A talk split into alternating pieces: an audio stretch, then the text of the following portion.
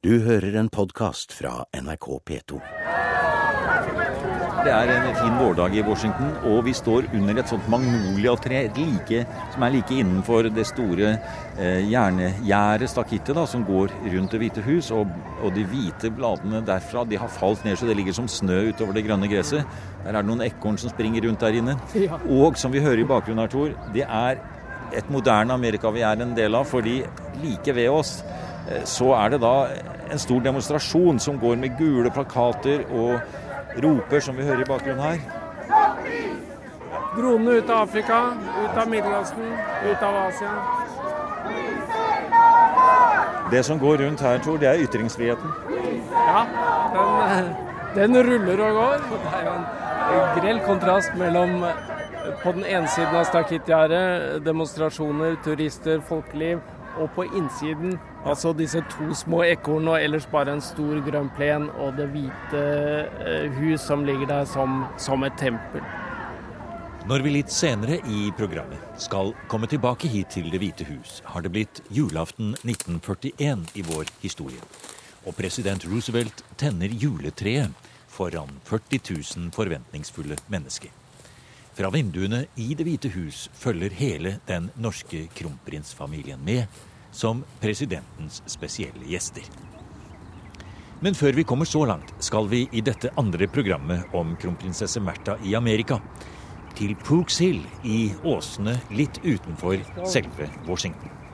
Hvis, hvis vi kommer inn fra bebyggelsen, at det er noe parkmessig mm. inngang der Jeg vil tro Vi får prøve å ikke gi oss.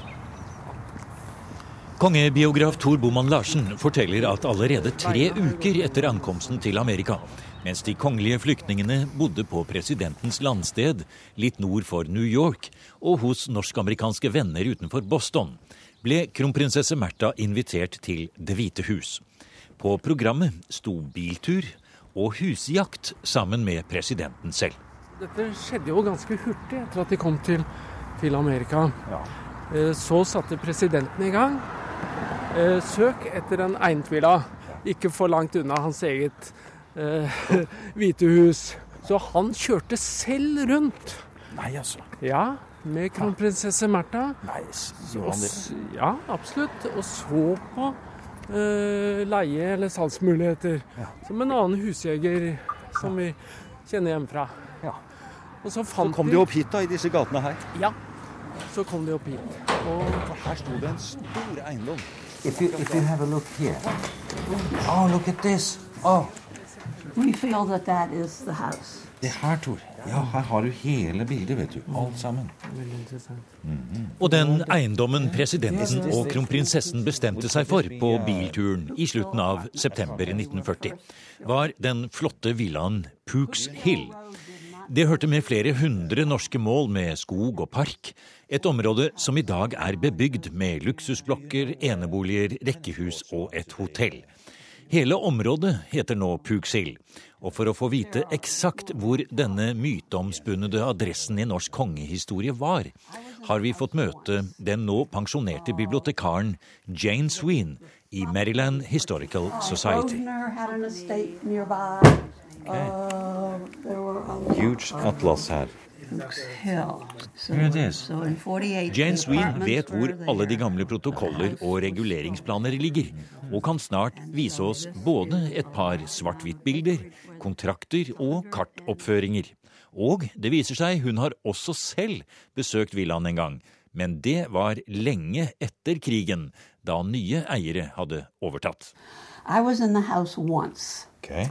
Uh, all I remember of the house is a big foyer yes. that rose two two stories high, uh-huh. and uh, I remember a friend of mine said, "Where do you put? Do you put a Christmas tree in here?" Uh. Of course, the Brodies were Jewish and never put a Christmas tree. Det er ikke så mye Jane Sween selv husker fra den gang den norske kronprinsfamilien bodde på Pooks Hill. Noe er det, som bl.a. at kronprinsessen gikk i den lutheranske kirken, som fortsatt står i Georgetown Road. Uh, okay. And that was also my husband's church.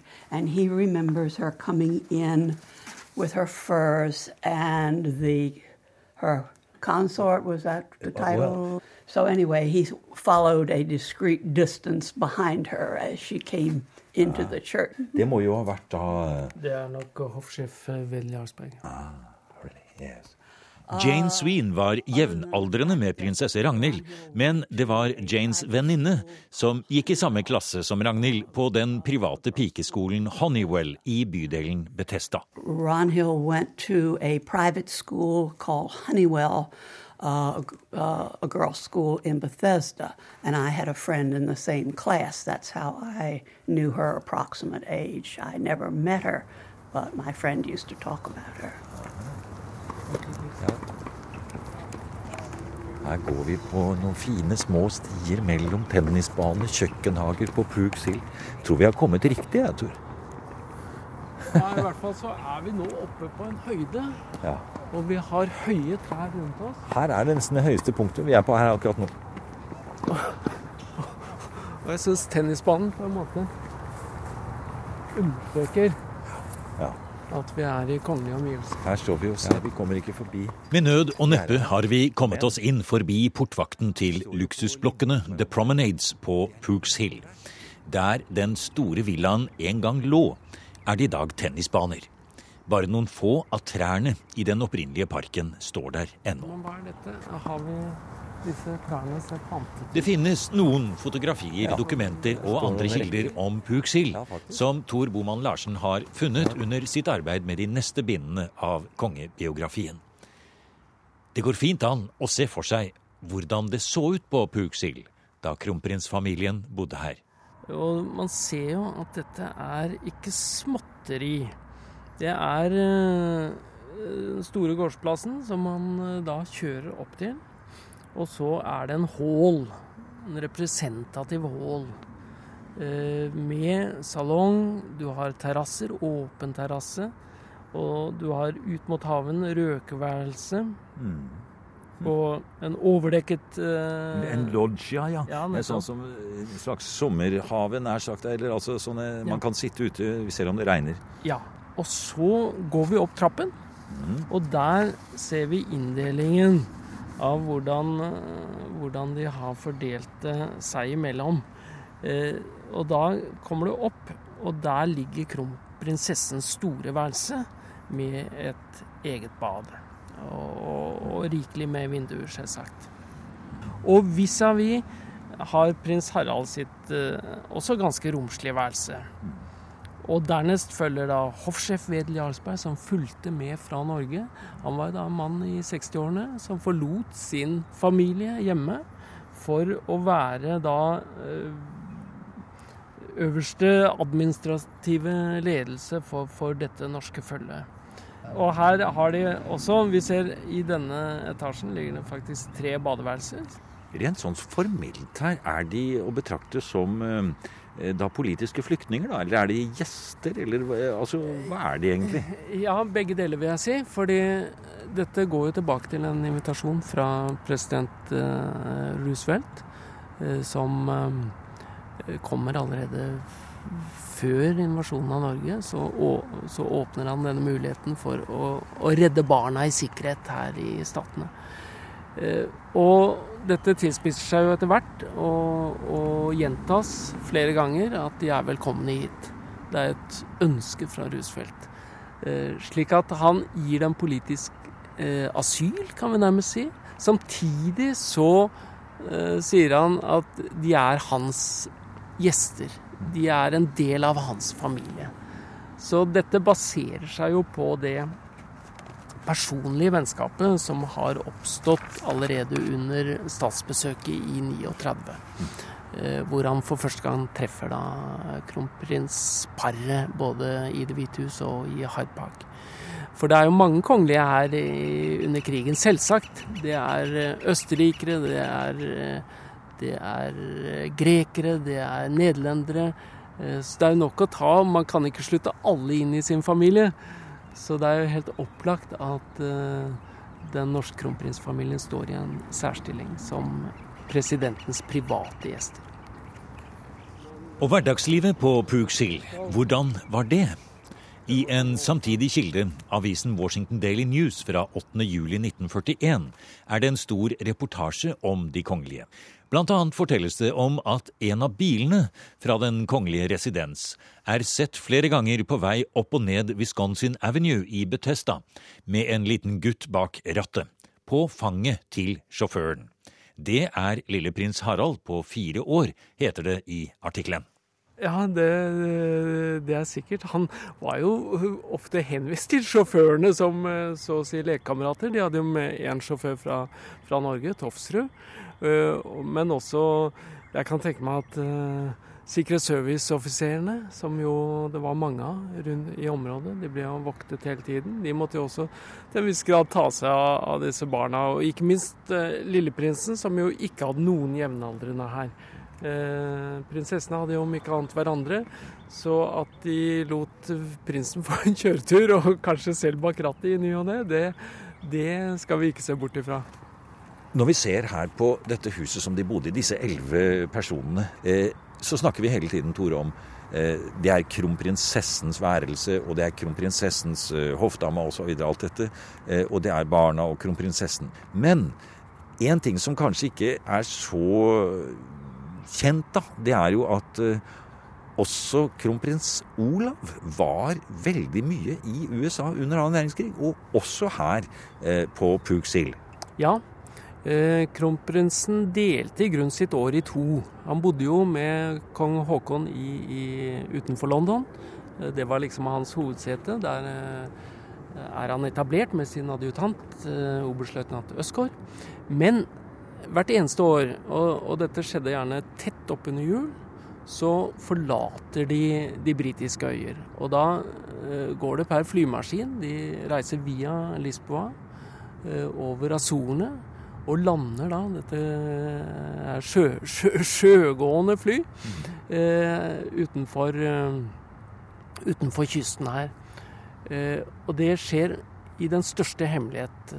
Det er viktig ikke å bli røpet. Og så plutselig står de nær sagt på trammen, eller blir møtt da eh, en dag oppunder jul. Det kan være selve julaften de kommer. Eh, men så eh, ble da kronprinsen her over vinteren. Og stort sett til godt ute i mai. Det er jo nesten eh, Ja, det er jo en fire-fem måneder, det. Ja. Det, han delte på en måte året i to. Eh, og hadde her et lengre opphold, selvsagt pga. barna og sin kone, men også for å gjøre eh, plikter i Amerika. Slik at han representerte jo da sammen med kronprinsessen. Og de gjorde flere reiser. Det gjorde hun alene, men men sammen hadde, gjentok de jo nær sagt den store rundreisen fra 39 i 42. Hvor de reiser også over til vestkysten og, og de indre deler av Amerika. Eh, med utallige stopp, ikke sant. Lange togreiser. Eh, for eh, å, å, gjenopprette kontakten med norske-amerikanerne i en krigssituasjon. Pluss at eh, kronprins Olav jo også opprettholdt en sterk kontakt til president Roosevelt. Eh, og der finnes det jo også en politisk korrespondanse som er ganske interessant, hvor, hvor man ser eh, eh, Kronprinsen beundrer jo president Roosevelt, og de få presidentene er jo en karismatisk type.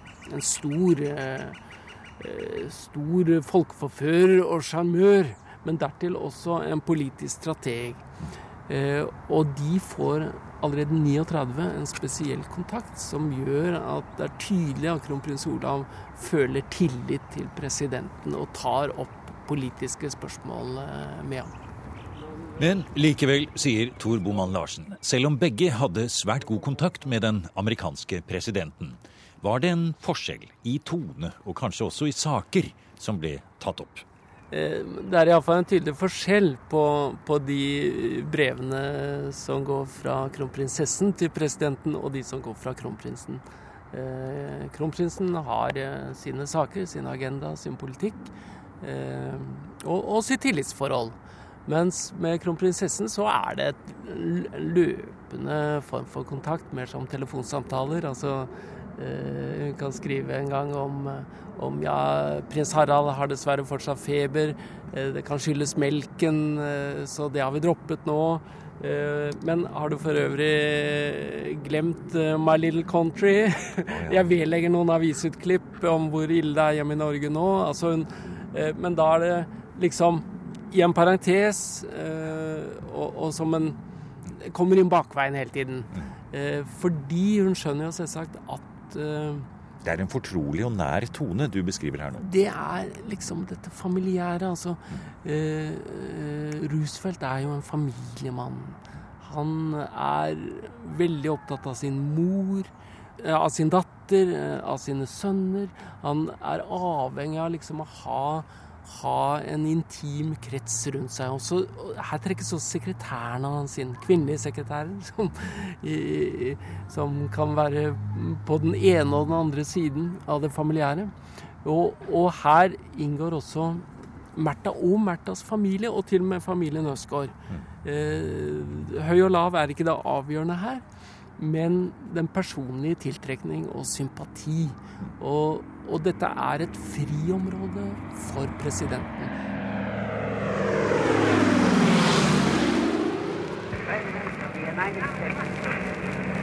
Your Royal Highness, Mr. Ambassador, if there is anyone who still wonders why this war is being fought, let him look to Norway. Den berømte talen president Franklin Roosevelt holdt ved marineverftet i Washington høsten 1942, da USA overrakte krigsskipet kong Haakon den 7., som en hyllest både til Norges krigsinnsats og det norske kongehuset, er blitt selve symbolet på hvordan synet på Norge endret seg under krigen. Ikke minst som følge av kronprinsesse Märthas diplomati. Hun satt da også på æresplassen ved siden av presidenten i hans bil da ordene om 'Look to Norway' ble sagt. Your Royal Highness, as a token of the admiration and friendship of the American people toward your country and her navy, I ask you to receive this ship. Men det som virkelig forandret alt for president Roosevelt og den amerikanske holdningen til krigen, var selvsagt at det japanske keiserlige flyvåpen angrep Pearl Harbor i desember 1941. Det var den andre krigsjulen for den norske kronprinsfamilien i Amerika. Og i sin juletale til det norske folk, innlest på lille julaften 1941, var dette hovedbudskapet fra kronprinsesse Märtha. I fjor følte vi oss kanskje alene i en uhyggelig og ond verden.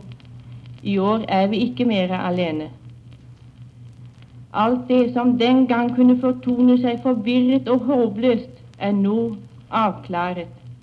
I dag vet vi nøyaktig hvor vi står, og hvem vi står sammen med. Amerikas mektige Forente Stater er gått inn i kampen på vår side og på våre allierte side. Sammen med dette verdens største og rikeste demokrati er det vi, fort, vi fortsetter kampen. For frihet og rett, for folkestyre og fred. Tilbake ved Det hvite hus går vi mellom demonstrantene og ser opp mot de tre vinduene på det østre hjørnet av den private annenetasjen. Der ligger det rosa rommet, som var det faste stedet kronprinsesse Märtha og for øvrig Winston Churchill brukte når de overnattet der. Kronprinsesse Märtha hadde en helt spesiell adgang til presidentens private sfære, sier Tor Boman Larsen. Ikke minst når det ytre presset var som sterkest. Dette er en veldig sosial mann. Han har mennesker rundt seg mer og mindre hele tiden. Men da skal det også være mennesker som er apolitiske, altså som ikke kommer for å snakke politikk, men for å slappe av, hygge seg, eh, være selskapelig. Til cocktailtime f.eks.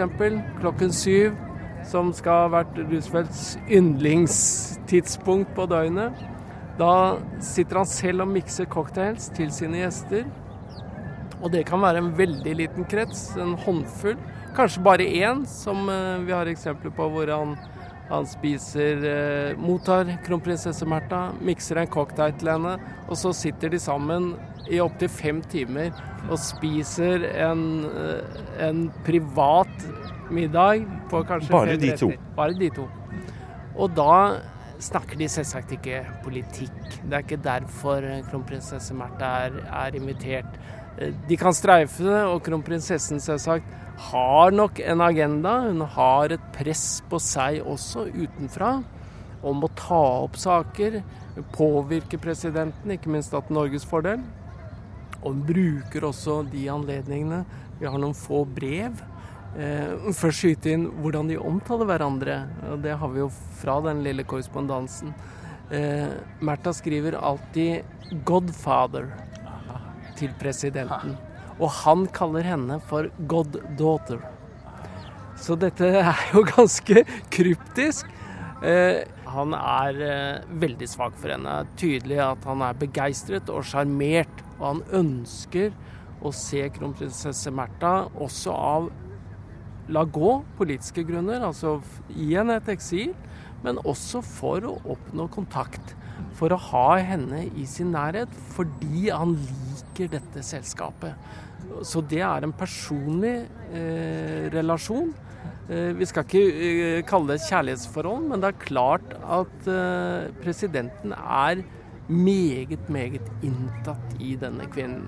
Men når du først har sagt eh, så mye, Tor, så får vi bare rydde unna det med en gang og stille det spørsmålet. Var det noe mer enn vennskap og beundring og litt flørting her? Eh, nei, det var ikke mer. Men det er ganske mye med den amerikanske presidenten. Eh, det er ingenting som tyder på noe utover det. det. Det ligger på en måte heller ikke i korten, verken fra hennes eller fra hans side. Men de har veldig mye å vinne begge to på å utvikle og dyrke dette eh, vennskapet, som på en måte balanserer opp iallfall mot en langvarig flørt som eh, hvor det kvinnelige element for Roosevelt er, er viktig. Han, dette er en mann som veldig gjerne omgås med kvinner. Uh, og, og, det er også andre aktører av en veldig privat natur, kvinnelige og mannlige, som kommer og går her. Og Märtha inngår i denne store rammen, men særlig i disse første årene av den annen verdenskrig, så er hun på en måte stjernen i denne kretsen. Og nok den viktigste, den han søker mest, og som er mest eksotisk, som gir han mest av denne avvekslingen, avkoblingen og skal vi si følelsesmessige eh, arenaen vi slutter der vi begynte, på selveste julaften 1941. Det er bare noen uker etter Pearl Harbor, og USA forbereder seg for fullt for å gå inn i Stillehavskrigen. Statsminister Winston Churchill har kommet til Washington fra London, og juletreet foran Det hvite hus er pyntet etter alle kunstens regler.